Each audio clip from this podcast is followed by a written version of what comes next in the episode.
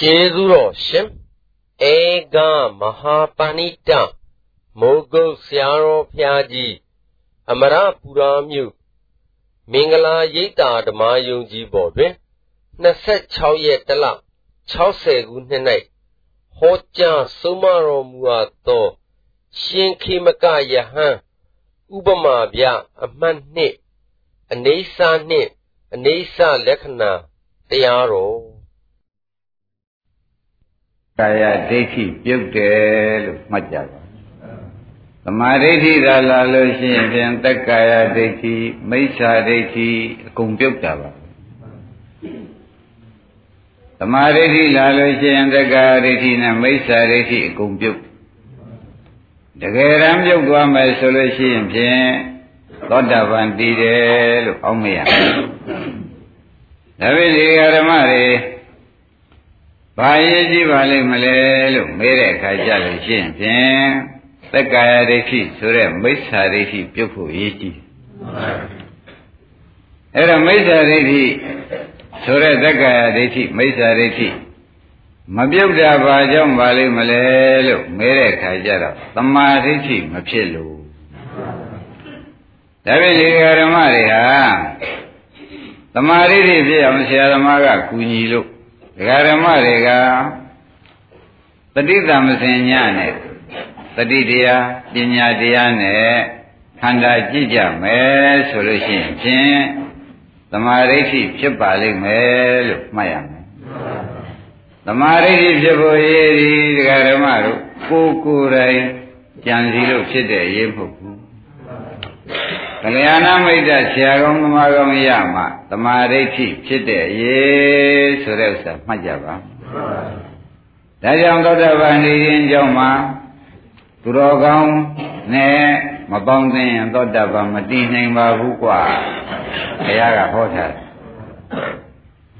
သစ္စာတရားမနာရလို့ရှိရင်လေသောတာပန်မတည်ပါဘူးကွာ နှလုံးသစ္စာတရားနာရညာတော့လေသမာဓိဋ္ဌိမဖြစ်လို့ရှိရင်လေသောတာပန်မတည်နိုင်ပါဘူးကွာသစ္စာတရားနားထားရင်လည်းမပြီးသေးဘူးသမာဓိဋ္ဌိဖြစ်တဲ့ဉာဏ်နဲ့သစ္စာဉာဏ်နဲ့ခန္ဓာကြည့်လိုက်တဲ့အခါကျလို့ရှိရင်သမာဓိဋ္ဌိဖြစ်လာအောင်လဲမြန်အောင်ပါပဲလို့သုံးငံပါလဲမှတ်ရမှာတကယ်မြင်တော့မြင်ပါရဲ့ မပွားများပြန်ဘူးဓမ္မအနုဓမ္မပฏิပတ်တိဖြစ်တဲ့အလုပ်ကိုမပွားများပြန်ဘူးလို့ဆိုပြန်လို့ရှိရင်လေတဲ့သမာဓိရှိမဖြစ်ဝါသောတာပန်မတည်နိုင်ဆိုတော့သောတာပန်တည်ခြင်းအကြောင်းကအင်္ဂုတ္တများမှာ၄ပါးဟောပြီးထားတဲ့အတွက်ယနေ့တော့ဖြင့်ဒကာဓမ္မတို့ဒါရကတို့ခေမကတို့ဝတ္ထုကိုနောက်မှထားပြီးခေမကတို့ဒါရကတို့ဉာဏ်ကြီး60တို့ ဘာကြောင့်သောတာပန်တည်သွားတယ်ဆိုတဲ့ဥစ္စာကိုသိရဖို့အရေးဟာဖြင့်ဩတမာဒိဋ္ဌိဖြစ်လို့ပဲလို့သုံးဖြတ်ချက်ချပါနော်။ခိုင်းတမာဒိဋ္ဌိဖြစ်အောင်ကိုလေးလေးစားစားနဲ့ဒကာဓမ္မတွေနားထောင်ကြစို့။နားထောင်ကြစို့ဆိုတော့ဝိညာဏံဘိက္ခွေဘိက္ခုအနိစ္စံ အနိစ္စအနိစ္စဝိညာဏံတိပတ္တိတာယံဘိက္ခုတမာဒိဋ္ဌိတမာပတ္တနိဗ္ဗိန္တတိဒီလိုသံယုတ်ပါဠိတော်ကြီးမှာဟောပြီးဒီကလာထားပြန်တော့ဘိက္ခုယံတို့ဘိက္ခုယံဒီဝိညာဏမင်းတို့တဏ္ဍာနဲ့ဖြစ်တဲ့စိတ်ဟုသမျှအနိစ္စအနိစ္စပဲသောစိတ်တန်စိတ်ကိုအနိစ္စဖြစ်တဲ့စိတ် အနိစ္စအနိစ္စဝိညာဏံတိဩအနိစ္စဝိညာဉ်ပါလားအနိစ္စဝိညာဉ်ဆိုတာအနိစ္စပါလားလို့ပတ္တန်တိရှုကြကုန်ပြီဒီစိတ်ကလေးကပထမတော့စိတ်ကလေးပဲတဲ့ဒီစိတ်ကလေးကိုဟောအနိစ္စစိတ်ကလေးပြက်ပြက်သွားတာလေးမြင်လိုက်တော့ဩစိတ်ဆိုပေမဲ့လည်းအနိစ္စပါလားစိတ်ဆိုတာအနိစ္စပါလားပေါ်တော့ကစိတ်နောက်ကြတော့သူဒီကားလို့ဆိုလို့ရှိရင်ပျောက်ပြက်ပြီးပြသွားတော့ သူ့လက္ခဏာပြသွားတယ်ဒါဖြင့်ပြတာကဝိညာဉ်စိတ်နောက်ဉာဏ်နဲ့စိုက်ကြည့်လိုက်တဲ့အခါကျတော့သူမမြဲတဲ့လက္ခဏာပျောက်ပြက်တဲ့လက္ခဏာဒါလေးသူပြသွားတယ်အဲ့ဒီကလေးပြသွားတဲ့အခါကျတော့အနိစ္စဝိညာဏံဒီပတ္တိဩဝိညာဉ်ဆိုတဲ့စိတ်ဟာအနိစ္စပါလားလို့ကိုယ်ကရှုလိုက်မိပါတယ် အနိစ္စစိတ်ကလေးကိုအနိစ္စလို့ရှုလိုက်မိပါတယ်သာယံဟောတိသမာဓိဋ္ဌိသာယံထို့သောအနိစ္စစိတ်ကိုအနိစ္စစိတ်ပဲလို့ရှုလိုက်ခြင်းသည်သမာဓိဋ္ဌိသမာဓိဋ္ဌိမြည်၏ဓမ္မရတာပဲအနိစ္စစိတ်ကိုအနိစ္စစိတ်လို့အမှန်ကမြင်လိုက်လို့ရှိရင်ဖြင့်သမာဓိဋ္ဌိဖြစ်ပါပြီတက္ကရာဒိဋ္ဌိနဲ့မိစ္ဆာဒိဋ္ဌိရှင်းပြပြီသဘောကျဒါဖြင့် အာလုံးတရားဓမ္မတို့ကိုယ်ခန္ဓာကိုယ်ထဲမှာစားကျင်တဲ့စိတ်ကလေးပေါ်လာတယ်ဝိကျင်တဲ့စိတ်ကလေးသွားကျင်တဲ့စိတ်ကလေးပေါ်လာတယ်ထိုကဲ့သို့ပေါ်လာတာလေးကိုဒကာကျွဒကာတက်တို့ကဖြတ်ကနေရှိတယ်ခொနဲ့စားကျင်တဲ့စိတ်ကလေးရှိမရှိကြည်လိုက်ဘာတွေ့သေးတယ်မရှိတာပဲတွေ့မရှိတာပဲတွေ့လိုက်တော့ဩစိတ်ဆိုတဲ့တရားလေးဟာ ပေါ်တော့ကစိတ်ကြည့်တော့မရှိတာတွေ့တယ်ပေါ်တော့ကတော့ကြည့်လိုက်တဲ့အခါကျတော့မရှိတာတွေ့တော့ဩစိတ်ဟာမရှိတာပဲစိတ်ဟာမရှိတာပဲလို့မသိဘူးလားအဲစိတ်ဟာဆိုတာကဖြစ်တာသိတယ်မရှိတာပဲလို့သိတာကစိတ်ပြက်တာကိုသိဩစိတ်ဟာမရှိတာပဲကိုလို့သိလို့ရှိရင်ဖြင့် မိမိသဏ္ဍာန်ဖြစ်တဲ့စိတ်ဟာမရှိတာသိခဲ့လို့ရှင်းဖြင့်အဲ့ဒါဒကာကျော်ဒကာတစ်တို့တမာဒိဋ္ဌိလို့မှတ်လိုက်စမ်းစိတ်ကလေးကဖြစ်တယ်နော်ဖြစ်ပြီးကြည့်လိုက်တဲ့ညာနဲ့ကြည့်လိုက်တဲ့အခါကျတော့မရှိတော့ဘူးဒါဖြင့်ဩစိတ်ဆိုတဲ့ဥစ္စာဖြစ်တာကြည့်လိုက်တော့မရှိတာတွေ့ဒါဖြင့်စိတ်ဤမရှိတာတွေ့တယ်စိတ်မရှိတာတွေ့တယ်ဆိုသဖြင့် ဩဒီမရှိတတ်တဲ့တရားကိုမရှိဘူးလို့တွေ့ခြင်းကြောင့်ဒါအမှန်တွေ့တာပဲလို့ဆိုသောကြောင့်အမှန်သိတာပဲလို့ဖြစ်သွားသောကြောင့်တာယံဟောတိတမာရိရှိအယံဤတို့စိတ်မရှိတာကိုမြင်ခြင်းတမာရိရှိတမာရိရှိမဲ့ခင်မြည်သည်ဟောတိဖြီးဩဒါပြမိစ္ဆာရိရှိပြေးပြီမိစ္ဆာရိရှိပြေးပြီ အဲဒါဖြင့်သာဇနစိတ်ပေါ်လာလဲရှိပေသူများညူစင်နေတဲ့စိတ်ကလေးပေါ်လာရင်တန်ရရှိတဲ့စိတ်ကလေးပေါ်လာရင်ကြည့်ပြလိုက်ကြည့်ပြလိုက်တော့ဒကာကျော်ဒကာသစ်တို့ဘာတွေ့မရှိတာတွေ့ဩဒါဖြင့်စိတ်ဟာမရှိတာလမ်းဆုံးစိတ်ဟာပဲလမ်းဆုံးမှာ မရှိတာလမ်းဆုံးတာကိုသိလိုက်တော့ဩဝိညာဏအနိစ္စနဲ့သွားကြိုက်ဝိညာဏအနိစ္စအနိစ္စဖြစ်သောဝိညာဏဝိညာဉ်ပဲဝါစိတ်ပဲဟောစိတ်ဟာအနိစ္စပဲတမပတ္တံစိတ်တံဘိက္ခေဝိညာဏဝိညာဏအနိစ္စအနိစ္စဝိညာဏနိပတ္တိ ဩဒီဥစ္စာဒီအနိစ္စစိတ်ပဲလို့သိလိုက်ပါတယ်အနိစ္စစိတ်ကိုအနိစ္စစိတ်လို့ပဲသိလိုက်အဲ့ဒါသမာဓိရှိတယ်အနိစ္စစိတ်ကိုအနိစ္စလို့သိရင်သမာဓိရှိလို့ဒကာဓမ္မတွေသေချာမှတ်ထားပါ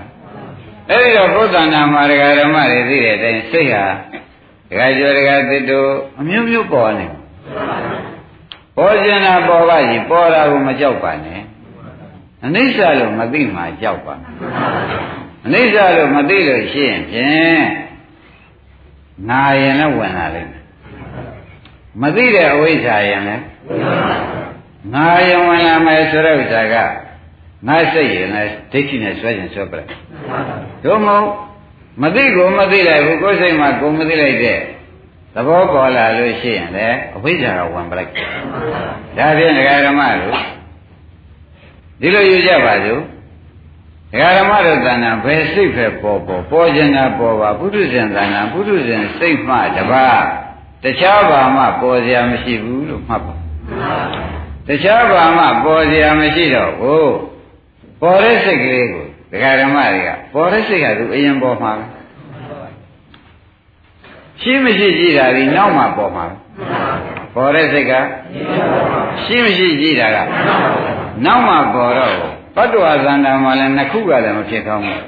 ပေါ်တဲ့စိတ်ရှိနေလို့ရှိရင်နောက်ကရှိမရှိကြည့်တဲ့ဉာဏ်လဲဉာဏ်စိတ်လည်းမပေါ်နိုင်ပါဘူးဒါကြောင့်ဒကာဓမ္မတို့အနိစ္စဘိက္ခွေဝိညာဏဘိက္ခွေယံတို့ဘိက္ခုတံ္ဍရာဘိကိုကြောက်တဲ့ပုဂ္ဂိုလ်ဒီအနိစ္စအနိစ္စဖြစ်သောဝိညာဏစိတ်ဝိညာဉ်ကိုအနိစ္စဝိညာဏံတိအနိစ္စစိတ်ဟူ၍ ပတ္တန်တိမြင်ကြကုန်၏အနိစ္စစိတ်ပဲလို့မြင်လိုက်တယ်နောက်ကရှုလိုက်တဲ့အခါကျတော့ဒီစိတ်ဟာအနိစ္စရောက်သွားပါကိုလို့သိလိုက်ပါတယ်သာယဟောတိသမာဓိတိအယံဤတို့ပျောက်သွားတာမြင်လိုက်ခြင်းဒီစိတ်ကလေးပျောက်သွားတာမြင်လိုက်ခြင်းဒီသမာဓိတိသမာဓိတိအမြင်ဒီဝါမက်ဆိုင်တဲ့အမြင်ဒီသဘောကျဒါဖြင့်စိတ်ပေါ်တိုင်းပေါ်တိုင်း ကြည့်ပြီလို့ရှိရင်ဖြင့်ပေါ်လဲပေါ်လိုက်မယ်မရှိတာလည်းတွေးလိမ့်မယ်လို့ကြည့်တဲ့ပုဂ္ဂိုလ်မှာဆရာခွင်းရမှားပါတယ်စိတ်လည်းပေါ်ပါလိမ့်မယ်ကြည့်လိုက်တဲ့အခါမရှိတာလည်းသိရပါလိမ့်မယ်သဘောကျစိတ်လည်းပေါ်ပါလိမ့်မယ်နော်ကြည့်လိုက်တဲ့အခါမရှိတာလည်းသိရပါတယ်ဆိုတော့ဩဒါဖြင့်ဝိညာဏအနိစ္စသွားကြိုက်ဝိညာဏဆိုတာစိတ်ပေါ်တယ် အနိစ္စဆိုတာက၎င်းစိတ်မရှိတော့ဘူးလို့ပြောတယ်။အော်ဒီစိတ်ကလေးကအနိစ္စရောက်သွားပြီလို့နောက်ကညာနဲ့သိလိုက်လို့ရှိရင်ဖြင့်အဲ့ဒီသိတဲ့ညာဟာတမာရိရှိလို့မှတ်လိုက်စမ်းအနိစ္စံဘိက္ခွေဘိက္ခုဝိညာဏံအနိစ္စံဝိညာဏံတိပတ္တိသာယံဟောတိတမာရိရှိဘုရားကတန်ရုပ်ပါဠိတော်မှာဟောတမာရိရှိများကွာမင်းတို့က ဆရာကောင်းသမားကောင်းနင်းနာရလို့ရှင်းဖြင့်မဲ့ဟာလက်ပြောက်သေးတာကမှကြာပါသေးတယ်မရမရှိနိုင်ပါဘူးလို့သေချာဟောတယ်လက်ပြောက်သေးတာကမှခက်ပါသေးတယ်ဒကာရမတို့ဆရာကောင်းသမားကောင်းနင်းနာရလို့ရှင်းဖြင့်တဲ့မိစ္ဆာရိတိထွက်ပြေးတာအစောကြီးသမာရိတိဝင်လာတာချက်ချင်းပါပဲကဲစားကျင်တဲ့စိတ်ကလေးပေါ်လာတယ်ဒကာသိတို့ဒကာအောင်တို့ကတွေးလိုက်တယ်ဘယ်ရှိမရှိနောက်စိတ်နဲ့တွေးလိုက်စမ်း ဘယ်သူမရှိတာတော့မေးတော့စိတ်မရှိတာတပည့်ကြစိတ်မရှိတော့ဘိုးတဲ့ဩစိတ်ဆိုတာကအနိစ္စမရှိတာကလက္ခဏာအနိစ္စလက္ခဏာမရင်စိတ်ကအနိစ္စနော်စိတ်ကအနိစ္စရောက်မဲ့တရားပေါ့ဗျစိတ်ကဘာတော့ကြည့်လိုက်တဲ့အခါကျတော့ရောက်မရောက်ကြည့်လိုက်စမ်း ကြည့်လိုက်ညာနဲ့ကြည့်လိုက်တဲ့အခါကျတော့ရောက်သွားရောက်သွားတော့ဩသူဒီအနိစ္စတရားမို့သူ့လက္ခဏာပြသွားအနိစ္စတရားမို့ပါတော့သူ့လက္ခဏာပြသွားပြီလို့ခါကျွဲတဲ့ခါတစ်တို့ကမသိလိုက်သိတာလေးပါခေါ်ကြသမာဓိဋ္ဌိသိတာလေးပါခေါ်ကြသမာပတ္တံနေပြီသမာမဖောင်းပြန်ပတ္တံပတ္တံတော့မြင်ခဲ့ပြီရှိတော့သမာဓိဋ္ဌိ မဲ့သမာဓိဋ္ဌိဖြစ်ပြီးဟောကြည့်ဖြစ်ဆိုတော့တက္ကာရိပြည့်တယ်သက္ကရာဒိဋ္ဌိရောပြေးပြီဒကာရမတို့ဥစ္စေရဒိဋ္ဌိရောဒိဋ္ဌိဟူသွေးအကုန်ပြေးသက္ကရာနှင်ထုတ်ပြတာနဲ့ရေတော်မြင့်နှင်ထုတ်ပြတာနဲ့ကျန်တဲ့60တပါးသောဒိဋ္ဌိတွေအကုန်ပြေးဒါဖြင့်စိတ်ကလေးပေါ်လာလို့ရှိရင်ဩအနိစ္စပေါ်လာပြီကြည့်လိုက်ညံနေတာကြည့် ညံနေကြည့်လိုက်ရှင်ရှိသေးရဲ့မရှိရင်လက္ခဏာပေါ်လာပြီဒါရင်ပေါင်းလိုက်စိတ်ပေါ်တုန်းကအနိစ္စနောက်မရှိတာမြင်လိုက်တာကလက္ခဏာအနိစ္စရဲ့လက္ခဏာကိုမြင်တာသဘောပါဘယ်လိုလက္ခဏာမြင်ဒါဖြင့်ခြေပိုင်းကအနိစ္စနဲ့လက္ခဏာနောက်ပိုင်းကမြင်တာကသမာဓိဋ္ဌိဒါဖြင့်အနိစ္စလက္ခဏာကိုမြင်သောကြောင့် နောက်မြင်မှုသည်သမာဓိဋ္ဌိကိုမှားသိကြပါလားဩတော်တော်လေးကိုဒကာဓမ္မတွေကတလုံးနဲ့ကိုပဲရှင်းတဲ့ရှင်းအောင်ပြောနေတယ်ဒီစိတ်တလုံးပြောလိုက်လို့ရှိရင်ဒကာကျော်ဒကာတက်ဒကာအောင်တို့သူသူပဲနော်ကဲပြန်ပြောပါအောင်မယ်ဒကာဓမ္မတို့တဏ္ဍာဖြာဆိုဝန်းထဲမှာစားကျင်တဲ့စိတ်ကလေးပေါ်လာတယ်ဒကာဓမ္မတို့ဒါပါလေးပါလေစားကျင်တဲ့စိတ်ကလေးဒါပြန်သူက အနိစ္စပေါ်လာတာပဲအနိစ္စပေါ်လာတာပဲသဘောကျရင်ဒါတပည့်တော်ကြားဘူးတယ်နဲ့တခြားစီဖြစ်နေပါပေါ့လားဆိုတော့နိစ္စဆိုတာမရှိတာသာပြည့်တော့ကြားဖို့ပါတယ်ခင်ဗျာအခုတော့ပေါ်တဲ့စိတ်ကလေးကိုနိစ္စလို့ရှင်ဘုရားကဟောနေတယ်ဆိုတော့အိုးတရားဓမ္မတွေညံမပြားပါနဲ့အနိစ္စရောက်မဲ့တရားပေါ်လာတယ်လို့မှတ်ထားပါသဘောကျဘာပေါ်လာပါ့ အနိစ္စရောက်မဲ့တရားပေါ်လာတာမှမသိလို့ရှိရင်အနိစ္စရောက်တဲ့လက္ခဏာကိုဘယ်သူမှသိမှာမဟုတ်ဘူးသိနိုင်မှာမသိပါဘူးအနာပေါက်တာမှမသိတဲ့ပုဂ္ဂိုလ်ကအနာပြောက်တာသိလိမ့်မယ်ဆိုတာဘယ်တော့မှမတွေးချင်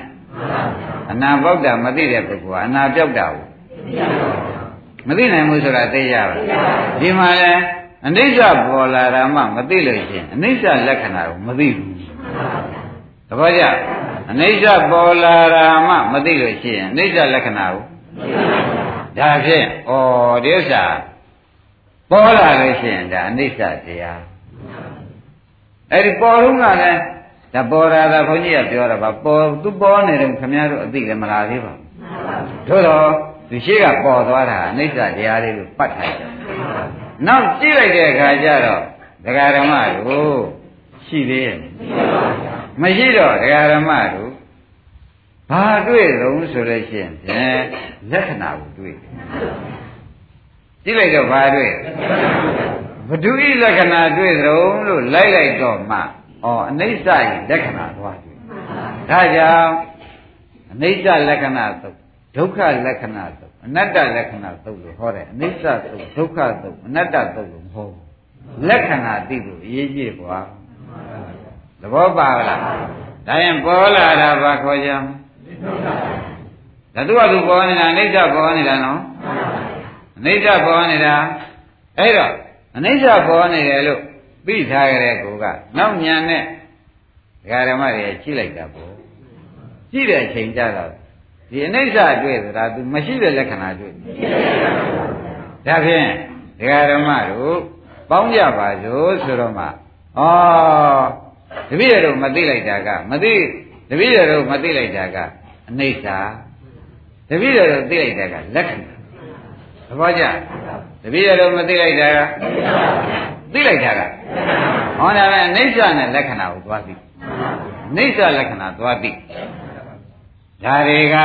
ဒကာရမတို့ဝိသုဒ္ဓမတရားဆရာကြီးကလည်းအိဋ္ဌန်ဒီခန္ဓာပြင်စကံခန္ဓာပြင်စကကိုဆိုတာကွာ ခန္ဓာပေါ်နေတော့မဆိုတာလေ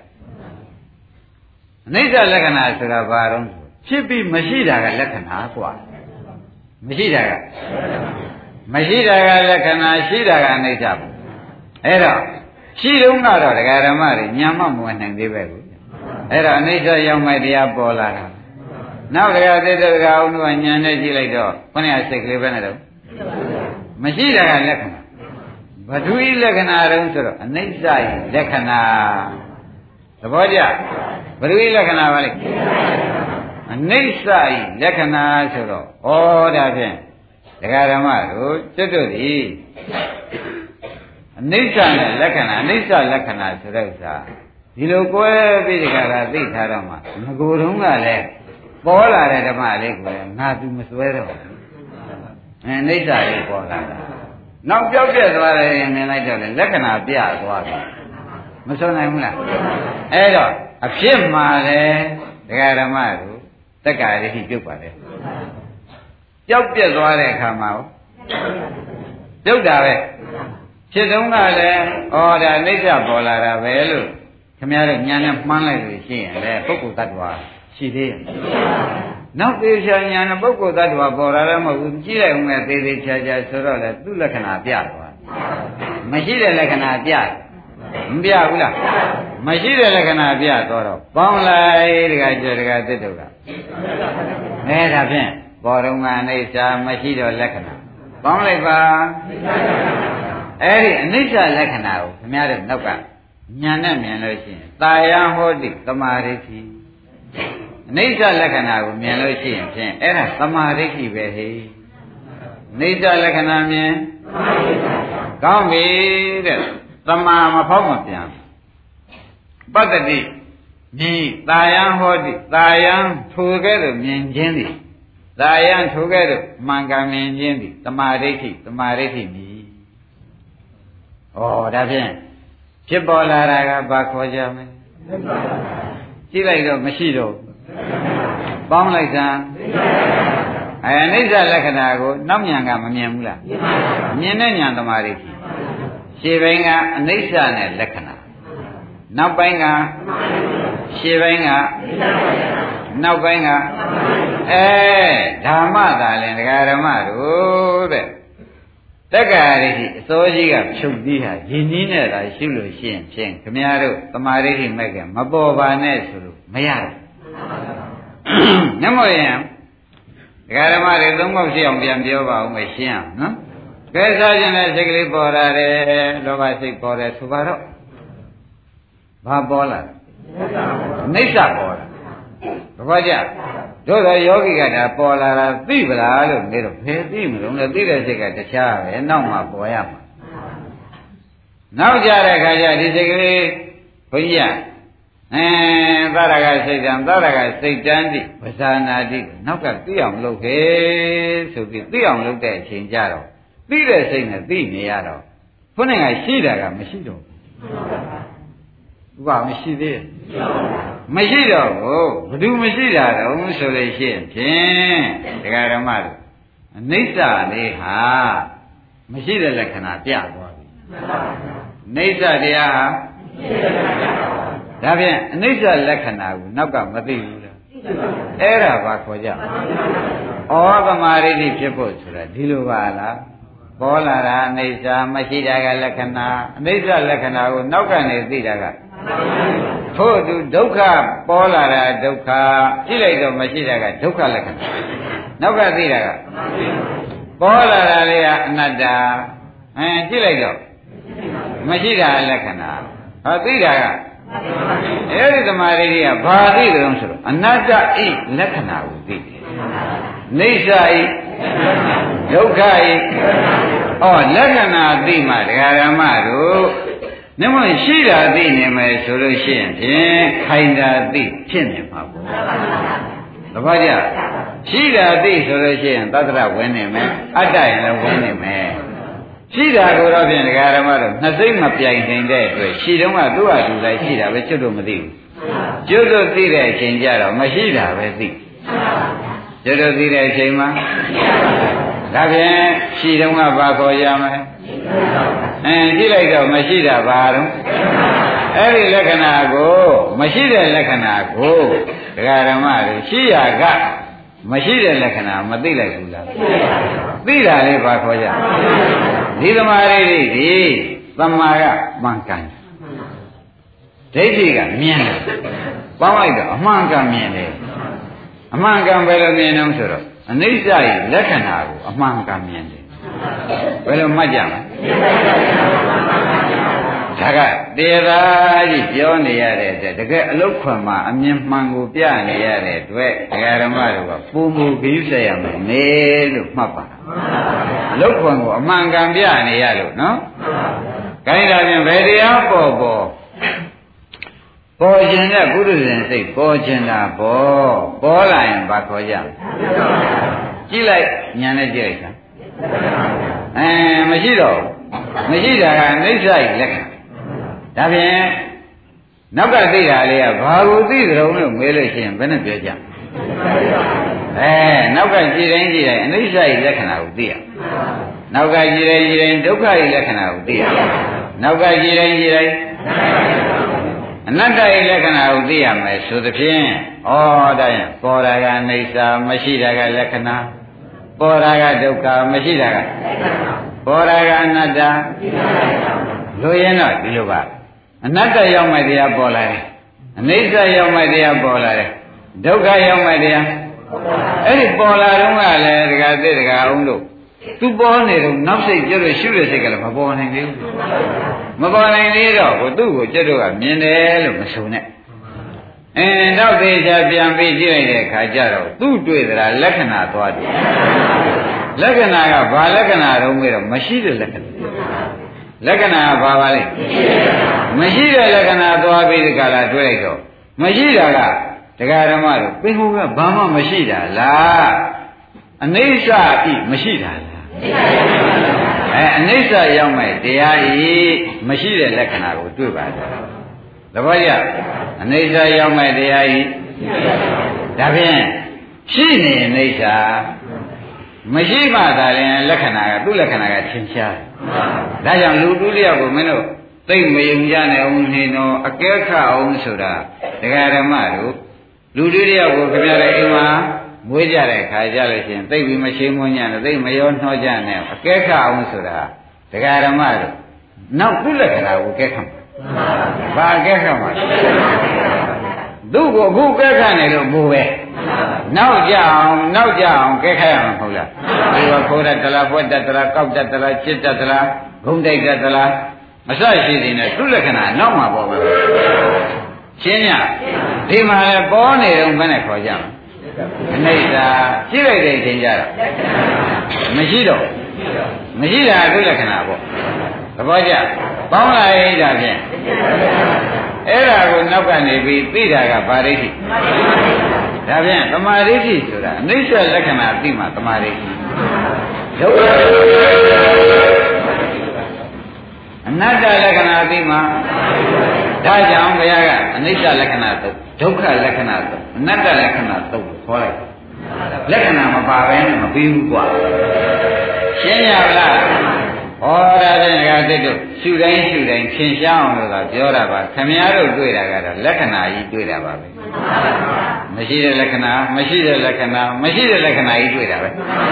သဘောပါအဲ့တော့မရှိတဲ့လက္ခဏာကအနိစ္စလက္ခဏာမရှိတဲ့လက္ခဏာကိုသိတာကဒါဖြင့်သမာကမှန်ကန်တာဒိဋ္ဌိကမြင်တာပေါင်းလိုက်တော့အမှန်ကန်မြင်တာဆိုတော့ အနိစ္စလက္ခဏာကိုသွားမြင်တယ်ဒါကြောင့်ငါမပြောဘူးလားဒီပုဂ္ဂိုလ်ဆိုးတယ်ဆိုတာဟောသူ့လက္ခဏာနောက်မှသိသူရှိတော့သိတာလားသူ့လက္ခဏာနောက်မှသူအလုံးပေါ်လာမှသိတာအဲသူ့သဘောတတ္တိအဆုံးပေါ်လာတာသိမှလက္ခဏာသိဒါဖြင့်ဒကာဓမ္မတို့ရှိတာအနိစ္စလို့ကြွားပြီးတော့မရှိတဲ့သဘောလေးဟာကသူအနိစ္စရောက်မဲ့သဘောလေးပေါ်လာလို့အနိစ္စလို့ဆိုလိုက်ပါတယ် သဘောရရှိတယ်ပေါ်လာတဲ့သဘောလေးရပါလားအနိစ္စမရောက်ဘဲနေမှလည်းရောက်မှာအဲ့ဒါကြောင့်ပေါ်လာတဲ့ဓမ္မလေးပါခေါ်ကြဉာဏ်နဲ့ကြည့်လိုက်တော့မရှိတော့လက္ခဏာတွေ့ပေါင်းလာရဲ့အနိစ္စလက္ခဏာနော်ကဲတော့ငကူတုံးကတည်းကအနိစ္စတွေ့ထားတော့ ဩငါပဲသူပဲလို့ဆိုတဲ့တက္ကရာတိဈာခုလေးရနောက်မရှိတာတွေ့တော့လေဩဒီဥစ္စာငါမဟုတ်တာသိချလိုက်တာဒီလိုနှစ်ချက်ဝေဖန်လို့ရပရမတွေ့တုံးကတည်းကဖြစ်ပေါ်လာတဲ့တရားလေးအနိစ္စလို့တွေ့တာနောက်ဉာဏ်နဲ့ကြည့်လိုက်တော့မရှိတဲ့လက္ခဏာတွေ့လိုက်တော့ဒကာသစ်တို့ဒကာဦးတို့ကစဉ်းစားပါလားဩဒီဥစ္စာဒီကားလို့တင်ဖြင့်အနိစ္စဆိုတဲ့တရား အနိစ္စရောက်မဲ့တရားမို့အနိစ္စလက္ခဏာပဲပြသွားတယ်လို့သမာဓိကဆုံးဖြတ်ချက်မချဘူးအဲ့ဒီဆုံးဖြတ်ချက်ချတာကိုချရတဲ့သဘောလေးပါခေါ်ကြဒီသမာဓိဆိုတာသမာကမှန်ကန်တာသဘောကျဒိဋ္ဌိကမြင်တာအမှန်ကန်မြင်တယ်တဲ့ဖြစ်ပေါ်တော့ကလည်းသူအနိစ္စလို့မြင်တယ်နောက်ကြတဲ့အခါကျလို့ရှင် တကယ်တမ်းဉာဏ်နဲ့စူးစိုက်ကြည့်လိုက်တဲ့အခါကျလို့ရှင်သူ့လက္ခဏာကိုသေချာမြင်လိုက်ရမြင်လိုက်ရဘူးလားဒါဖြင့်အနိစ္စလက္ခဏာဆိုတဲ့ဥစ္စာတရားဓမ္မတို့အနိစ္စမရှိဘဲနဲ့အနိစ္စလက္ခဏာပြောလို့မရဘူးဒါကြောင့်ပေါ်လာတဲ့ဓမ္မဘာခေါ်ရမလဲဉာဏ်နဲ့ကြည့်လိုက်တဲ့အခါမရှိတဲ့လက္ခဏာပေါ်လိုက်တော့ဩအနိစ္စနဲ့လက္ခဏာနဲ့ဟာတခြားစီပါသိသိချာချာမှပါဒီဥစ္စာ ခင်ဗျားတို့သိသိချာချာမှလို့ရှင်ဒီဥစ္စာပြောရတာကလွယ်ကူတာမဟုတ်ဘူးစကားတော့ဖြင့်နှလုံးထဲပဲစကားတော့နှလုံးထဲပဲတရားဓမ္မတို့တော့အယူဆမှာသိရေးကြည့်နမလို့ရှင်ခင်ဗျားတို့အနတ္တလက္ခဏာသုံးဆိုတော့အနတ္တကဘယ်သူတုံးလက္ခဏာကဘယ်သူတုံးမေးခင်ဗျားတို့နှစ်ခုခွဲမေးရင်ဘယ်သူမှဖြေတတ်တော့မှာမဟုတ်ဘူးဖြေတတ်ပါအခုတော့ဒီလိုရေးလိုက်ပါဝိသုဒ္ဓိမတေကရာဆရာလည်းအနေစမ်းဒီခန္ဓာပြင်စကံ တော့ခန္ဓာ၅ပါးတစ်ပါးပါပေါ်လာရင်အိဋ္ဌတာမှလားနဲ့လက္ခဏာကြတော့ဘယ်နဲ့ဘယ်နဲ့ဘာဟုတ်တော်အဘာဝထေနလက္ခဏာဖြစ်ပြီးမရှိတဲ့သဘောလေးကသူ့လက္ခဏာပဲသေရတဲ့ဘောသေမယ်လို့ပေါ်လာတဲ့တရားလေးဟာသေသွားတော့ဟောသူ့လက္ခဏာမရှင်းဘူးလားကွာသေမယ်လို့ပေါ်လာတာကသေကံကြီးပေါ်လာတာကအနိစ္စအဲသေပြလိုက်တာကလက္ခဏာဆိုတော့ဩငါပြောတာမှန်ဘူးလားကွာငကိုယ်တွေကဒီလိုလည်းမခံနဲ့ လက္ခဏာလို့ရှိရင်ဒီလိုဖြစ်လိမ့်မယ်ဆိုတာသူ့လက္ခဏာမပြဘူးလားဒီလိုတစ်ခုတွဲယူမှရတော့မှာပေါ့သဘောပါလားအင်းဒီဥစ္စာဒကာဓမ္မတွေကသမဉာဏနဲ့ထောင်လို့မရဘူး။ညမရင်အနိစ္စနဲ့လက္ခဏာခင်ဗျားတို့ရှုပ်ချီရဲ့မရှုပ်ဘူးလားရှုပ်။ဒါပြန်ပေါ်လာတဲ့တရားတွေဘာတရားပေါ်လာလားကိုယ်တဏ္ဍာပါဆိုကြမှာ။အဲအနိစ္စလို့သိလိုက်တဲ့ကတမာရိတိဖြစ်ပြီ။ တမာရိတိဖြစ်နေပြီတဲ့အနိစ္စဆုံးတာအနိစ္စရောက်မဲ့တရားပေါ့ဗျာ။သဘောကျ။ဒီတဲ့ကောကငါငါပေါ်လာတာသူပေါ်လာတာယောက်ျားပေါ်လာတာမိန်းမပေါ်လာတာဟုတ်သေးရဲ့သိကြတော့ပြီနောက်ကြည့်လိုက်တဲ့အခါကျတော့ဒီလောဘလေးဖြစ်စေဒေါသလေးဖြစ်စေကြောက်တဲ့လက္ခဏာလေးမပြလားနင်သူ့လက္ခဏာသူထုံးပြသွားပြီ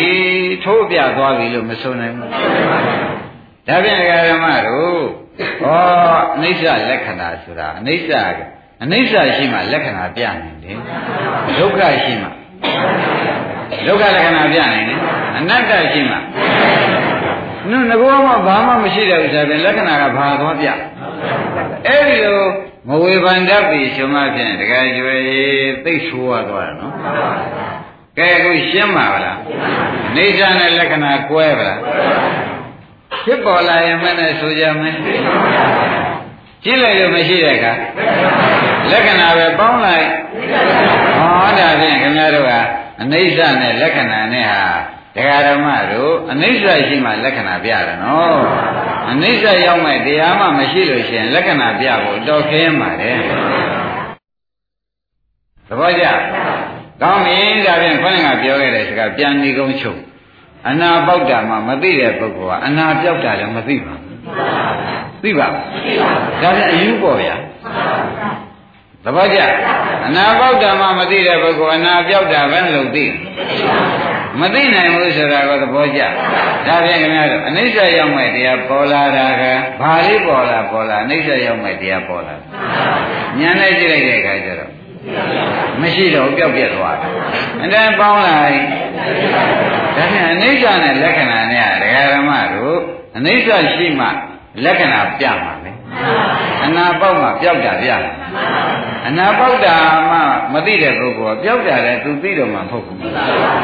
သဘောကျဒါကြောင့်ပြီးဒီမှာဘုရားဒေသနာတော်တွေကအမှန်တမ်းသိငွေနဲ့နဲ့ခက်ခဲတယ်ဆိုတော့ဒကာအောင်တို့ယုံလား ဒါကြောင့်ဝိသုဒ္ဓိမတေကရာကျအနိစ္စံတိခန္ဓာပြန်စကံဆိုခန္ဓာငါးပါးတဘာဝယူกว่าပဲအနိစ္စဆိုတာအဲ့ဒါယူမှတဲ့တယ်တဲ့နှလက္ခဏာပြောကြမှာမဆိုအိုဖြစ်ပြီးမရှိတဲ့သဘောလေးကသူ့လက္ခဏာကိုกว่าဖြစ်ပြီးမရှိတဲ့သဘောလေးကဒါဖြင့်ဒီလိုမှသဗ္ဗေသင်္ခါရအနိစ္စနဲ့သွားကြိုက်သဗ္ဗေတံသင်္ခါရဒုက္ခနဲ့ရောသဗ္ဗေဓမ္မအနတ္တနဲ့အေးဒါဒီလိုကြမှာ ပြီးတော့မှတကခင်ဗျားတို့နာနေကြဖြစ်တဲ့အနိစ္စလက္ခဏာသုတ်ဒုက္ခလက္ခဏာသုတ်အနတ္တလက္ခဏာသုတ်ဆိုတော့လက္ခဏာလေးကအရေးမကြီးဘူးတကယ်လို့လက္ခဏာကိုမသိဘဲနဲ့ခင်ဗျားတို့အနိစ္စကိုသိနေမယ်လို့ဆိုလို့ရှိရင်လေတဲ့အထယ်ရှိနေမှာမရှိဘူး။ကိုင်းဒါဖြင့်ဒကာဓမ္မတို့အနိစ္စနဲ့လက္ခဏာဖြင့်ဒကာကျွယ်ရှင်းမလားရှင်းပါဘူးဒကာသနာဒကာကျောသနာ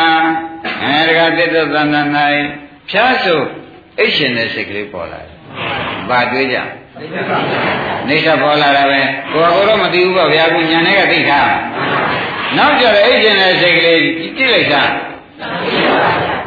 ကြည့်ပြအောင်လည်းကြည့်နော်။မကြည့်ရင်လည်းအိတ်သွားလိမ့်မယ်။ မကြည့်ရင်တော့အိတ်တော့မှာပဲ။ကြည့်ရင်တော့အိတ်သေးရဲ့။မကြည့်လိုက်တဲ့အခါကျတော့ကြည့်တဲ့စိတ်ပေါ်လာတဲ့ကမျိုးလုံးကျဲလာတဲ့ကဒကာရမတို့အိတ်ရှင်နဲ့ချင်းနာမိတာရှိသံခိတ္တစိတ်ကလေးကရှိသေးရဲ့မရှိတော့ဘာပြောသွားလက္ခဏာပြောသွားတော့ဩဒါလေးကလေငါအိတ်ရှင်နာမဟုတ်ပါလားအိဋ္ဌလက္ခဏာလေးပါလားသူအိတ်ရှင်နာမဟုတ်ပါလားအိဋ္ဌလက္ခဏာလေးပါဒီမှာရှင်းသွားမရှင်းသေးဘူးလား ဒါဖြင့်ဒကာရမတို့ဒီတရားကိုလေးစားတော့မှတ်တော့မှရှေ့ပိုင်းကအနိစ္စလက္ခဏာနောက်ပိုင်းကရှိတာကသမာဓိရှေ့ပိုင်းကနောက်ပိုင်းကအဲဒီနှစ်ခုကိုခမည်းတော်ကကြိုက်ကြိုက်သွားရမယ်ရှေ့ပိုင်းကဒုက္ခလက္ခဏာနောက်ပိုင်းကရှေ့ပိုင်းကအနတ္တလက္ခဏာ အဲ့ဒီလိုသာကြိုက်သွားမယ်ဆိုတော့ခမည်းတော်မှာတမာရိတိကြီးနောက်ပိုင်းကမများဘူးလားကဲဒါဖြင့်ရှေ့ပိုင်းကအနိစ္စလက္ခဏာနောက်ပိုင်းကတမာရိတိဘယ်ကိလေသာရှားခေါ်တာပါသေးလားမပါဘူးကိလေသာရှားကိုအနိစ္စလက္ခဏာနဲ့တမာရိတိရှားဒီနှစ်ခုရှားတဲ့မှာတရားဓမ္မတို့သိတဲ့အတိုင်းဟောတာရှေ့ပိုင်းကအနိစ္စလက္ခဏာနောက်ပိုင်းကမဂ္ဂင်၅ပါးဆိုတော့တမာရိတိနော်မဂ္ဂင်၅ပါးဆိုတော့တမာရိတိမှာဒီချမ်း မှာဘာဝင်သေးလဲဒါဖြင့်တရားဓမ္မတို့တခြားသောပုဂ္ဂိုလ်တွေတော့ဥပဒနာယောဂီပုဂ္ဂိုလ်မှာတမာရိတိအလုတ်ကိုမလုတ်တဲ့ပုဂ္ဂိုလ်တွေကြတော့ကိုရှေ့ပိုင်းကတော့အနိစ္စလည်းရှိတယ်အနိစ္စလက္ခဏာလည်းခင်ဗျားတို့ကမကြည့်တယ်သူကတော့အနိစ္စရဲ့လက္ခဏာရဲ့တော့ပြောနေတာပြောလို့မှခင်ဗျားတို့ကမကြည့်ဘူးမကြည့်တော့ဘာဖြစ်နေတော့ဆိုတော့မကြည့်တော့ဘာဖြစ်နေတော့ဆိုလို့ရှိရင်ဖြင့်နာဆိုတဲ့ ဒိဋ္ဌိရင်လည်းဝင်လာတယ်မဝင်ပဲဘူးလေအော်ဒီဥစ္စာငါစားကျင်တာပဲ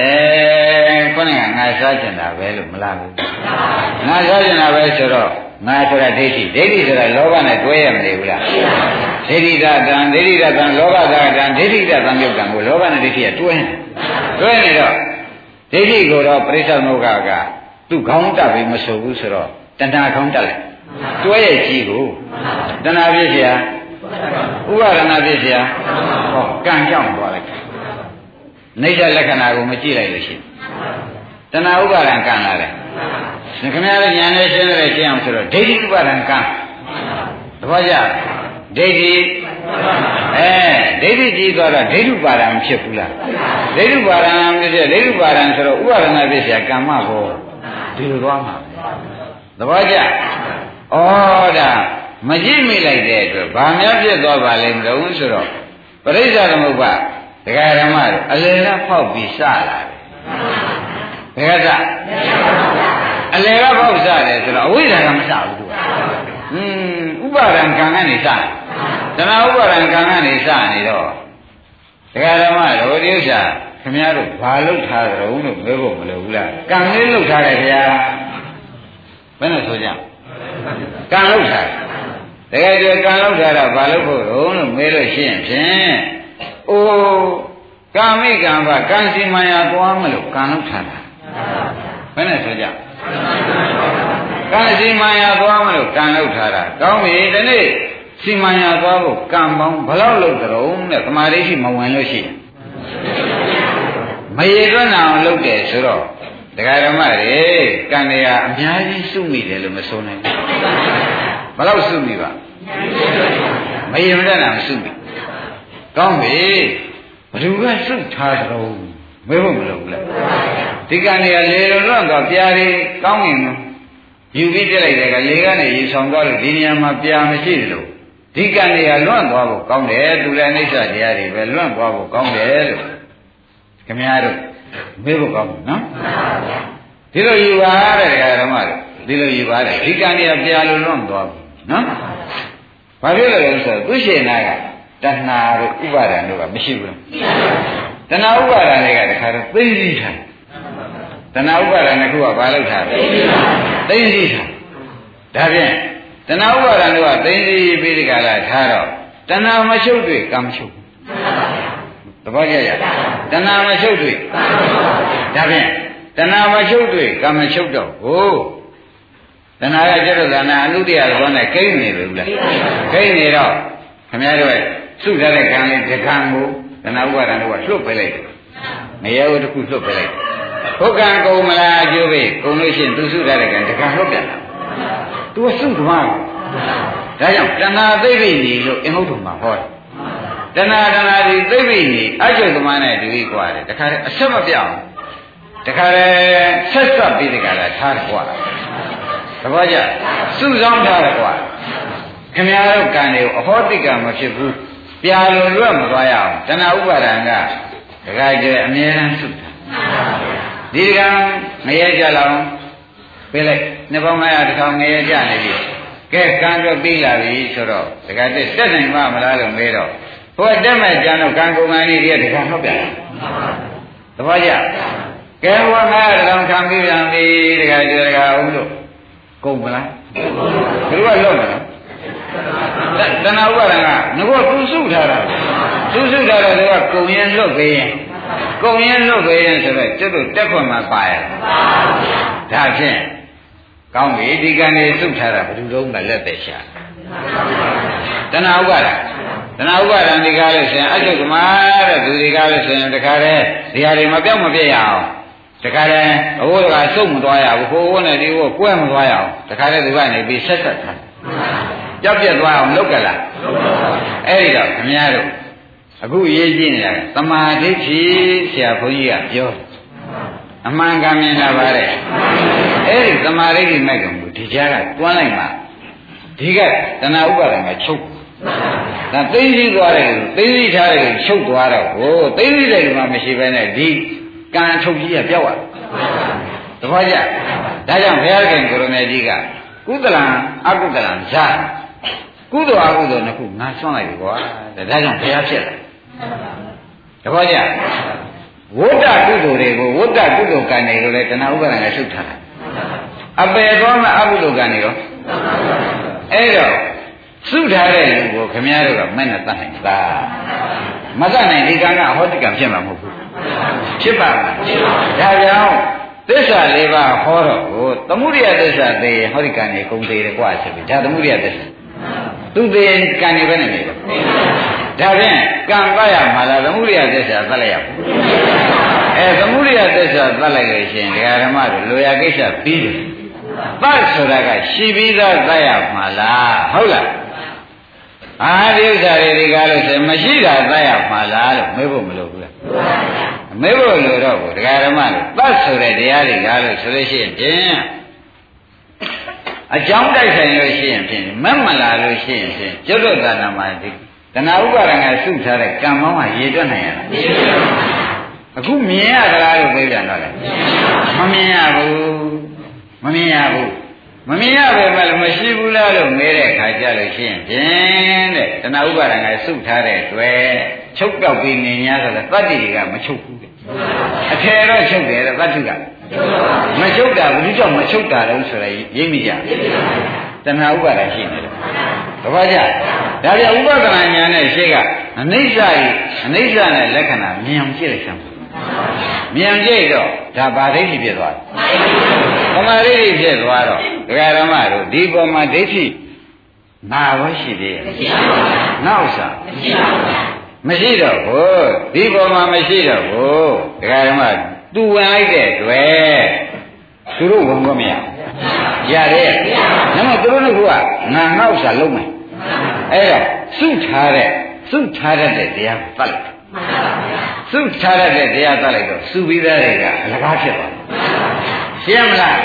စုထားရတဲ့တရားကိုသတ်လိုက်တဲ့အတွက်စုပြီးသားပစ္စည်းတွေဘာဖြစ်သွားအဲ့ဒါကြောင့်မြတ်မရင်ဘုန်းကြီးလုံလောက်အောင်ပြောပြပါ ဝေဒနာယမင်းလက်ထက်ကလှူလိုက်တဲ့အလှူကြီးဟာအကျိုးသာပေးနေမယ်ဆိုလို့ရှိရင်ဘုရားကုံဖြစ်စိတ်ချလူပြေနတ်ပြေကအကျိုးပဲကုန်နေမှာ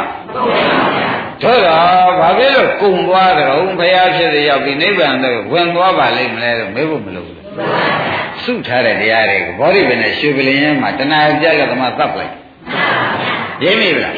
တဏှာပြက်လက်သမားသတ်လိုက်တဲ့အတွက်ဝဋ္တကံတွေလည်းမကုန်သေးဘူးလားဝဋ္တဖြစ်တယ်ဝဋ္ထဲလည်းမှာအကုသိုလ်ကံတွေရောဒါကြောင့်ခမရတဲ့နမကမှာကုသလံကုသလံသာကုသိုလ်နာအကုသိုလ်ငါဆွန့်လိုက်တယ်လို့ပြောတယ်ဒါပြောရိပ်မိဗလားသူ့ဆွန့်တာလားတဲ့ပြောတော့ तू အကျိုးကိုဆွန့်တာစင်စစ်တာစုထားတဲ့အကြောင်းအကြောင်းတတ်ပလိုက်တယ်သူဆွန့်ပြီးသားဖြစ်သွားတယ်သဘောကျဒါဖြင့်ဒကာဓမ္မတို့ ကံနဲ့ကိလေသာဘယ်အကြောက်ရှာကောင်းဒါကြောင့်စဉ်းစားကြည့်ပါဝတ်သုံးမှကြသူကဘာဝတ်ဆိုကြမယ်ကိလေသာဒီကံကပြီးတော့မှငရဲတွေပါတွေကဒါဖြင့်သူကရေတော့မြင်ပါရှင်းမလားဒါဖြင့်ရေကောင်းမြင့်ဖြတ်လိုက်လို့ရှင်းဖြင့်အလဲပင်လုံးကြီးကထားညွန့်ပေါက်ဖို့မရှိပါဘူးရှိသေးရဲ့ကကျေနပ်ပလားဩဒါဖြင့်ဒကာဓမ္မတို့ယနေ့ရှုခိုင်းတဲ့အချက်ကလေးဟာက ဘိုးပြလုံနေတာကိုဆိုတာပေါ်လာတယ်ဒီကများတို့သမာဓိဋ္ဌိတာမလာမယ်ဆိုရင်ဒီမိစ္ဆာဒိဋ္ဌိကနောက်ကလိုက်မလို့မလိုက်ဘူးလားဒါဖြင့်ဒကာဓမ္မတို့ရှေ့ပိုင်းကစားကြတဲ့စိတ်ကလေးကဘာလို့ညာနဲ့ကြည့်တာဟောဒီနောက်ကညာနဲ့မရှိတဲ့လက္ခဏာလေးမတွေ့ရဘာတွေ့တော့နိစ္စလက္ခဏာတွေ့ဘာနဲ့တွေ့တယ်လို့မေးတော့ အန္တရာသမာဓိနဲ့တွေ့တော့နောက်ကသမာဓိမိစ္ဆာဓိတွေကအဲငါထားကျင်တာလည်းလိုက်မဲ့ဓိတွေကသေကုန်သေကုန်တော့ဒိဋ္ဌိတွေတော့ဒိဋ္ဌုပါရံကောမသိဘူးလားအင်းသေးတဲ့ခါကျတော့ဥပါဒနာပြည့်စရာကာမဘောကလာကျွန်တော်ဟောကံလည်းမလာတော့ကာမဘောပြည့်စရာဇာတိဆိုတဲ့ဒုက္ခတွေရောဩဒါဖြင့်လက္ခဏာမြင်မှုပါနောက်ကကိဒိဋ္ဌိကိုလည်းသိမှုပါလား ကာမကိလေသာဘောလည်းဖြတ်မှုပါလားကာမဘောရောဝိပါကဘောဩဒါဖြင့်ဒိဋ္ဌဓမ္မကျိုးပေးတာပါလားဆိုတော့မဲ့ဟာအက္ကာရိကောဆိုတော့သူလဲဝင်ရောသူလဲချုပ်သူမဝင်ရင်သူတက်လာဒါကိုအနိစ္စဓမ္မမြင်လို့ရှိရင်သူပဲတခါတည်းဥစ္စာငါစားကြတယ်ဆိုပြီးဒီဒိဋ္ဌိကဝင်လာတယ် ခေါင်းကစားကြတာလေးကနာပဲလို့သူကလောက်လိုက်မလောက်ဘူးလားတခါတည်းဒိဋ္ဌိပါဒမှမလားဘူးလားငါစားကြတာကြာလာပြီဆိုတော့ဒိဋ္ဌိပါဒကြီးကမကြည့်ဘူးလားဒိဋ္ဌိပါဒနာပြည့်စရာဒိဋ္ဌိပါဒဆိုတော့ဥပါဒံဖြစ်သေးဘူးလားဥပါဒနာပြည့်စရာဟောကမ္မဘောဆိုကာယကံဝစီကံနဲ့တခါတည်းပကံဆေးလို့ဆေးအိုးခွက်စီရှိတယ်စီသွားလို့သွားမလားဘူးလားအဲဒကာရမတို့ဒါ မညံမဝင်နိုင်သေးတဲ့ကာလပတ်လုံးမှာဒိဋ္ဌိပါဒံနဲ့ကံတွေကလိုက်နေမှာကဲမညံလေးနဲ့ဒကာရမတို့ကအနိစ္စဤလက္ခဏာကိုမညံကမြင်လိုက်တယ်ဗျာဒိဋ္ဌိပါဒံစမချုပ်ဘူးသိကြလားဒါဖြင့်ဒိဋ္ဌိကဟုတ်ပါရဲ့လားဒါဖြင့်သောတာပန်တည်ခြင်းဘာသတ်ရမှာဒိဋ္ဌိသတ်ရမယ်ဆိုတာပေါ်လာဘူးလားရှင်းမလားဓမ္မတို့ကရကကျွန်းနေကြ ဒါရဲ့ဘယ်စိတ်ပေါ်ပေါ်ပေါ်လာတာပါပါလေညာနဲ့ကြည့်လိုက်တော့မရှိတဲ့လက္ခဏာပေါင်းလိုက်နိစ္စလက္ခဏာဒါဖြင့်ရှင်းပိုင်းကအနိစ္စလက္ခဏာနောက်ပိုင်းကမရှိတာသိတာပါတော့ဒါဖြင့်အနိစ္စလက္ခဏာနောက်ကသမာဓိဋ္ဌိလိုက်သောကြောင့်သက္ကာယဒိဋ္ဌိမိစ္ဆာဒိဋ္ဌိပြုတ်တယ်ဒိဋ္ဌိပြုတ်တယ်ဆိုတာသဘောကျကောင်းပြီဒိဋ္ဌိပြုတ်ရင်သောတာပန်ကြည့်ရမယ် မတိပါနဲ့ဆိုလို့မရပါဘူးဆိုတာကိုသိကြပါလားဒါဖြင့်ဒကာဓမ္မတို့ဒီဥစ္စာရှုပေးကြပါမရှုဘဲနဲ့ဒိဋ္ဌိပြုတ်တယ်ဆိုတာတော့အလကားပြောနေတာလို့ကမှတ်ပါသဘောကျဒါဖြင့်ဘယ်တရားပေါ်လာလားပေါ်လာတာအိဋ္ဌာကြည့်လိုက်လို့မရှိတာလက္ခဏာရှင်းမလားဘယ်တရားပေါ်လာလားပေါ်လာတာဒုက္ခကြည့်လိုက်လို့မရှိတာအဲဒုက္ခလက္ခဏာ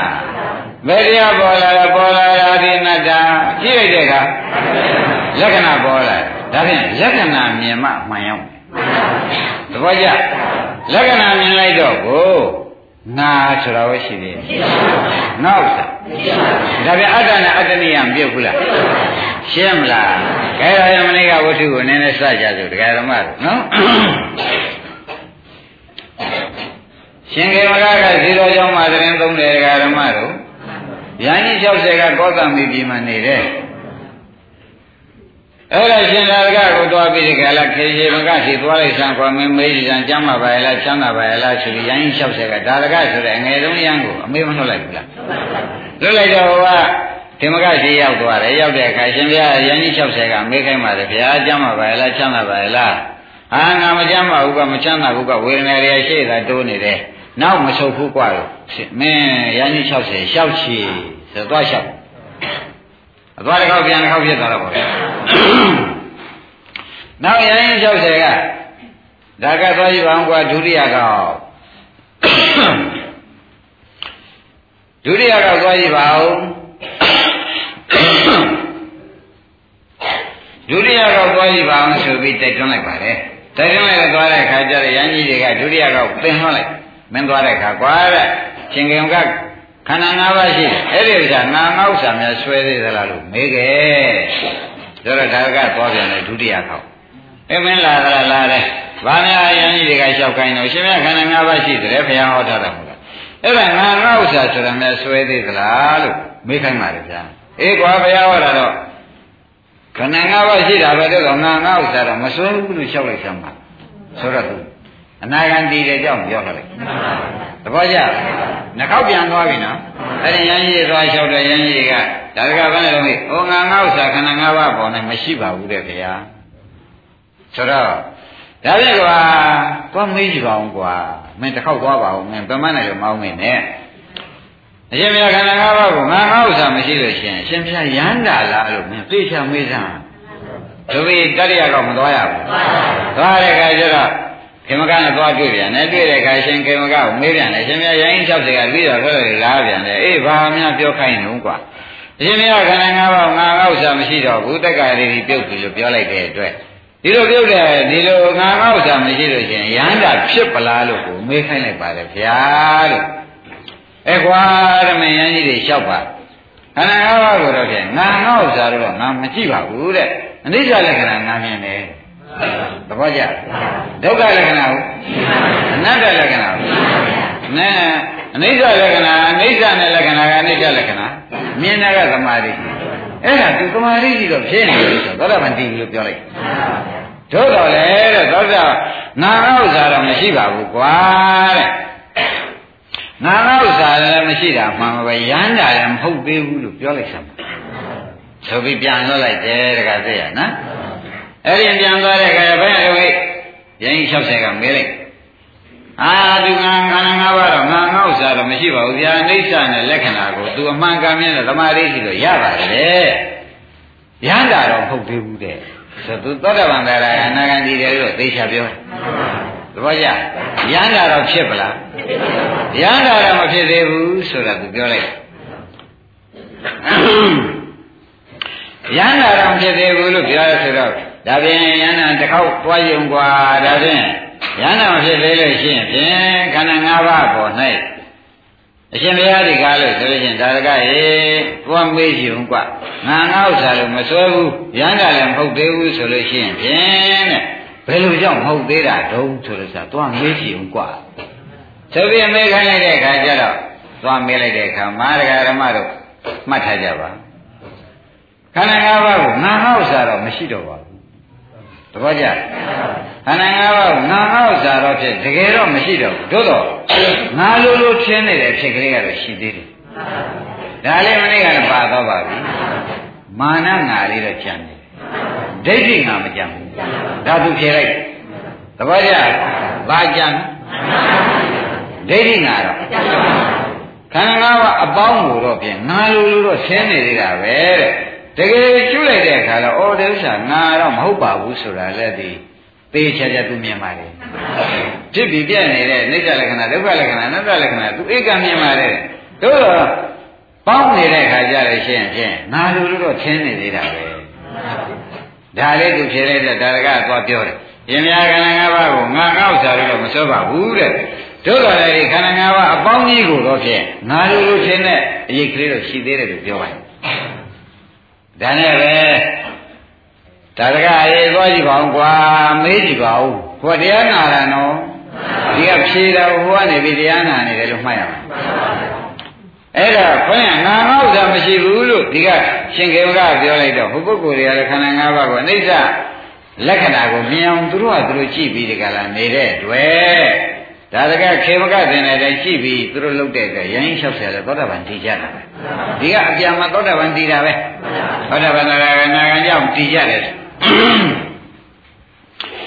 ဒါနဲ့သတိယအခောက်လာပြီးဒီကလာရှင်ဗျာတဲ့ဒီခန္ဓာ၅ပါးကိုတော့ငါလို့တော့ငါဟူ၍တော့မယူတော့ဘူးဆိုတော့ရှင်ဗျာပြောပြီးငါလိုလိုထင်တယ်ဆိုတဲ့အဓိပ္ပာယ်ကရဟန်းကြီးတွေကမေးခိုင်းတယ်ရှင်ဗျာ ရုပ်တရားကိုငါလိုလိုထင်တာသို့မဟုတ်ရုပ်မှတပါငါလိုလိုထင်တာလားဝေဒနာငါထင်တာလားဝေဒနာမှတပါငါလိုလိုထင်တာလားအဲ့ဒါမေးခိုင်းတယ်ဖေ။ကွာတဲ့မင်းလည်းအခုသုံးကောက်ကမရှိနေပြီတဲ့လားသွားရနဲ့ငါကိုယ်တိုင်ပဲလိုက်ပြီးဖြေပါတော့မကွာတောင်မွေးလေးပါလေယူခဲ့မင်းနိုင်ငံတော့သွားရအောင်ဘုရားကြီး60စီသွားရအောင်ဆိုပြီးသွားကြပါဒကာဓမ္မတို့တရားတရားလည်းကောင်းတယ်ဒီချိန်မှာဟောမဲ့ပုဂ္ဂိုလ်လည်းနာခံတော့ ဘုမလည်းနာခံဒီနေ့နေပြီရဟန္တာဒီကိုပြောကြမှာပဲမှတ်ရလိမ့်မယ်ကောင်းပြီဒါနဲ့ပဲသွားကြကဲတောင်မွေးထောက်ပြီးသွားကြတဲ့ခါကျတော့ရိုင်း60နဲ့ခொနည်းကအနာဂံခေမကနဲ့တွေ့ကြတာပေါ့ဗျာတွေ့ကြတော့ခေမကမင်းငါတို့မေးပြကြည့်ကွာမင်းကခန္ဓာ၅ပါးတော့ငါရလို့တော့တကယ်မယူတော့ပါဘူး တပါးတပါးငါရဲလို့တော့မယူပါဘူးအပေါင်းအစုကြီးကြတော့ငါလိုလိုထင်တယ်ဆိုတဲ့ဥစ္စာရုပ်ကိုထင်တယ်လားရုပ်မှတပါးထင်တယ်လားခုနကပြောတဲ့အတိုင်းပေါ့ဗျာလဝေစိတ်ကိုထင်တယ်လားစိတ်မှတပါးကိုထင်တယ်လားလို့မေးလိုက်မေးလိုက်တော့ဗျာတဲ့ရှင်များတပည့်တော်တော့ဖြင့်ရုပ်ကိုလည်းမထင်ပါဘူးရုပ်မှတပါးလည်းမထင်ပါဘူးသဘောကျစိတ်ကိုလည်းမထင်ပါဘူး စိတ်မှတပါးကိုလည်းတပည့်တော်ဒီကားလို့ဆိုလို့ရှိရင်ဖြင့်မထင်ပါဘူးတဲ့မထင်ပါဘူးတဲ့အဲ့တော့တို့တော်လေတဲ့တပည့်တော်မှာဒီအရေးအယောင်လေးအပေါင်းအစုမှာအရေးအယောင်လေးရှိနေတယ်တခုတခုစီကြတော့မထင်ဘူးခန္ဓာငါးပေါက်နေတဲ့အခါကျတော့ငါလိုလိုချင်းနေတယ်အဲ့ဒါမာနငါလိုမှတ်ရမယ်သဘောကျကောင်းပြီဒါတိုင်းဗျာတဲ့ရှင်ဘုရားတို့တပည့်တော်ဥပ္ပန်နဲ့တော့ ပြောပြရသည်ဟေးဒါပြောတာပေါ့ဒီဘုရမဇာဘန်းဆိုတာရှိပါတယ်ဗျာတဲ့ဘုရမဇာဘန်းမှာနန်းကြည့်တဲ့အခါကြလို့ရှိရင်ဖြင့်တဲ့အင်းဒါအရှင်းကလေးကမှုေးတာလားအရွက်ကမှုေးတာလားဝဋ္ဆံကမှုေးတာလားအယိုးကမှုေးတာလားလို့မေးလို့ရှိရင်တော့ဖြင့်ဒါဘယ်ကမှမှုေးတယ်လို့မဆိုနိုင်ဘူးတဲ့မဆိုနိုင်ဘူးနော် တခုလုံးကြာရုပ်ကနေကင်ပြီးနှာခေါင်းနဲ့တို့လိုက်တဲ့ထိလိုက်တဲ့အခါကျတော့တခုလုံးကတော့မမှုေးဘူးလေဒီမှာလည်းပြီးတော့အပေါင်းကြငါလိုထင်းနေတယ်သဘောကျအဲအချက်ကလေးကိုလည်းငါအချက်ကလေးတစ်ခုတည်းကိုတော့လည်းသူငါမထင်ပါဘူးတဲ့ဝဋ္ဌာန်လေးတစ်ခုတည်းလည်းမထင်ပါဘူးတဲ့ခန္ဓာငါးပါးအစိတ်စိတ်စိတ်ငါမထင်ဘူးအပေါင်းကြတာတော့ငါထင်းနေတယ်အဲ့ဒီငါကဒကာဓမ္မတွေမှတ်ပါဒိဋ္ဌိငါမဟုတ်ဘူး ပါပါလေဘယ်သူအနာဂံပြီးပြီးပေါ့ဗျာသဘောကျအဲ့တော့သူပြောတဲ့ဥပမာဟာလေတပည့်တော်ဥပမာနဲ့ပြောပါမယ်ရှင်ဘုရားတို့တဲ့ဘုရုံမကြာပန်းရှိတယ်အဲပွင့်ချက်ကလေးတွေကြာချက်ကလေးတွေအနံ့လားလို့မေးတယ်မဟုတ်ဘူးဖြစ်ရမှာဝိဆိုင်အနံ့လားလို့မေးတယ်မဟုတ်ဘူးဖြစ်ရမှာပဲဒီကြာပြီပြန်အဖြူစိမ့်အနံ့လားလို့မေးရင်ကောမဟုတ်ဘူးဖြစ်ရမှာပဲတဲ့မှန်မှန်ကန်ကန်ဖြစ်ရမယ်ဆိုလို့ရှိရင်ဖြင့်ကြာတပွန်လုံးကြီး ကြာတပွန်လုံးကိုပေါင်းစုပြီးဖြစ်လာတဲ့အနံ့လို့ဆိုရမှာအပေါင်းစုပေါ်မှာတော့ငါလေးရှိပါတယ်သဘောကျအစိတ်စိတ်မှာတော့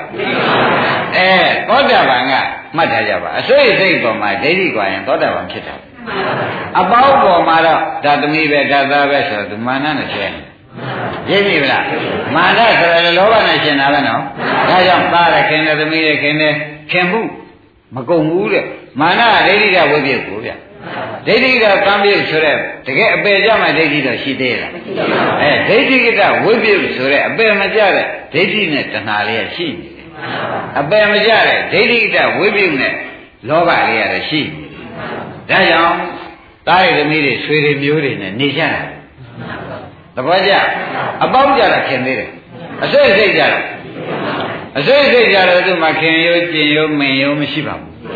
သဘောပါအဲ့တော့ဗျာတဲ့ဒီတိုင်းသာအရှင်ဘုရားတော့မှတ်ပါလို့ပြောလိုက်အဲ့တော့ကိုတဲ့ဒီကြာအပေါင်းမှာတော့ဖြင့်သူလဲခန္ဓာကိုယ်အပေါင်းကြီးမှာတော့ဖြင့်အင်းငါတို့လာခင်ရမလားငါတို့ငါလာယူရမလားဆိုတာလေးတော့ရှိပါသေးတယ်အပေါင်းပုံမှာတော့အစိတ်စိတ်ညာနဲ့ဝင်လိုက်တဲ့အခါကျတော့ဒိဋ္ဌိကတော့မရှိဘူးတဲ့ အပေါင်းစုပေါ်မှာကျတော့မာနရှိသဘောကျဒါဖြင့်ဒါဖြင့်ဒကာဓမ္မတော့အနာဂါမာနမပယ်သေးဘူးလို့သူပြောတာဒိဋ္ဌိတော့ဒိဋ္ဌိတော့ပယ်ပြီးပြီဆိုတာရှင်း납ပြီကောင်းပြီဒါနဲ့ရှင်ဗျာတဲ့အဲ့ဒီတော့ဒီလိုလုပ်ရပါလိမ့်မယ်တဲ့ဒီအနာလေးတောက်ချင်လို့ဒီအပေါင်းစုပေါ်မှာငါထင်းနေတာလေးပျောက်ချင်လို့ရှိရင်တော့တပည့်ရတို့ဖြစ်ပြပြန်လုပ်ပါသူကဟောပြ သဘောကျဘာလို့อ่ะဖြစ်ပြပြန်လုပ်ပါတဲ့ဖြစ်ပြပြန်လုပ်လိုက်လို့ရှိရင်ရှင်ဘုရားတို့ရှင်ဘုရားတို့ရောတပည့်တော်ရောအားလုံးပေါ့လေအားလုံးရဟနာဖြစ်မယ်ဆိုတဲ့အကြောင်းသူပြောတာသူလည်းဖြစ်ပြပြန်လုပ်တာပဲအနာဂတ်ဒီပြီးမှလည်းဘာအစအောင်ဆိုတာလေဓမ္မတွေမေးဖို့မလိုတော့ပါဘူးဖြစ်ပြပြန်လုပ်ပါပဲအဲဖြစ်ပြပြန်လှုပ်လိုက်တဲ့အခါကျလို့ရှိရင်ဖြစ်ပြမြင်ဖြစ်ပြမုံဖြစ်ပြဆုံးဆိုတာမလာဘူးအဲ့ဒီလာတဲ့အခါကျတော့ကိုတဲ့ ဒီအနာနည်းလည်းမရှိတော့ဘူးဗျာဒီနောက်ကသရုပ်ထလေးချိန်မြောက်ဖြစ်ပြဆုံးသွားလို့ရှိရင်ဒီအနာလည်းငါဆိုတဲ့မာနအနာလေးတောင်မရှိတော့ပါဘူးတပည့်ကြအဲ့တော့ပြီးတော့ဥမာတစ်ခုပြောပြရစီတဲ့သောတာပန်တဂရကအနာဂံတို့ကအဲဒိဋ္ဌိကပယ်ပြီးကြလားမာနကြံနေတာကဘာနဲ့တူပါတော့လို့ဆိုလို့ရှိရင်တပည့်တော်ဥမာတစ်ခုပြောပါမယ်တဲ့ရှင်ဘုရားတို့ရိုင်း60နားလဲအောင် ရှိကခွာတယ်တွေရှိပါတယ်ဗျာတဲ့ခွာတယ်တွေဟာရှိကတော့အခုလိုဆက်ပြာတွေဘူးဖွေးလက်တို့ဘာလို့ပေါ့ဗျာဘာမှမရှိဘူးသူတို့မှာကပြာရည်မြင်းရှိရည်ဆက်ပြာရည်ဒီသုံးရည်ပေါင်းပါဒီသုံးပုံးရည်ပေါင်းပြီးတဲ့ကလာပြုတ်ကြဆိုးကြပေါ့ဗျာဒါနဲ့ရှိရွှတ်ကြကြီးတော့မကြုတ်ဘူးလားလို့မေးရမနဲ့ဖြေကြတို့တော့ကြီးတော့ကျွတ်ပါရဲ့အဝတ်တော်ဖြူသွားပါတယ်တဲ့အနံ့ကြံမြင်းရှိနံတို့ဆက်ပြာနံတို့ပြာနံတို့က အဝတ်တော်မဖြူဘူးလားအဲသောတာပန်လာကအနာကမဖြူတော့ဖြူတယ်အနံ့ကြံနေတယ်သဘောကျဖြူတော့ဖြူတယ်တဲ့မာနနံကြံနေတယ်မြင်းရှိနံတို့ကောဗျာဟုတ်တဲ့လျှော်ရတဲ့အနံ့တွေကဒကာဓမ္မတွေသိတဲ့အတိုင်းနဲ့မြင်းကြီးရည်တို့ဟုတ်လားဆက်ပြရည်တို့ပြာရည်တို့ဆိုတော့သူတို့က စွန်းတဲ့အနံ့တွေကမရှိပြီဘူးလားမဖြူဘူးလားလို့မေးတော့အနံ့မကြံဘူးလားလို့မေးတော့အဲ့ဒါဒီပြင်တစ်ခုသောအမွှေးကြိမ်ရှိတဲ့ကျုပ်ထဲထဲဦးမရမယ်ညမလို့ရှင်ရနိုင်မှာဒါဖြင့်ချစ်ပြပြန်လို့ဦးမရမယ်ချစ်ပြပြန်လို့လိုက်တော့ရတ္တမရမယ်အဲ့ဒီရတ္တမကျုပ်ထဲကိုထဲမိတဲ့ဒီနေ့ကြလေရှင်လားဒီနာအကုန်ပြောက်အဲ့ဒီကြမှာမာနအကုန်ပဲမယ်ဒါရှင်ခင်ဗျာဟောနေတာသဘောကျကဲနေ့ပြန်မှဆုံးရလို့ Amém.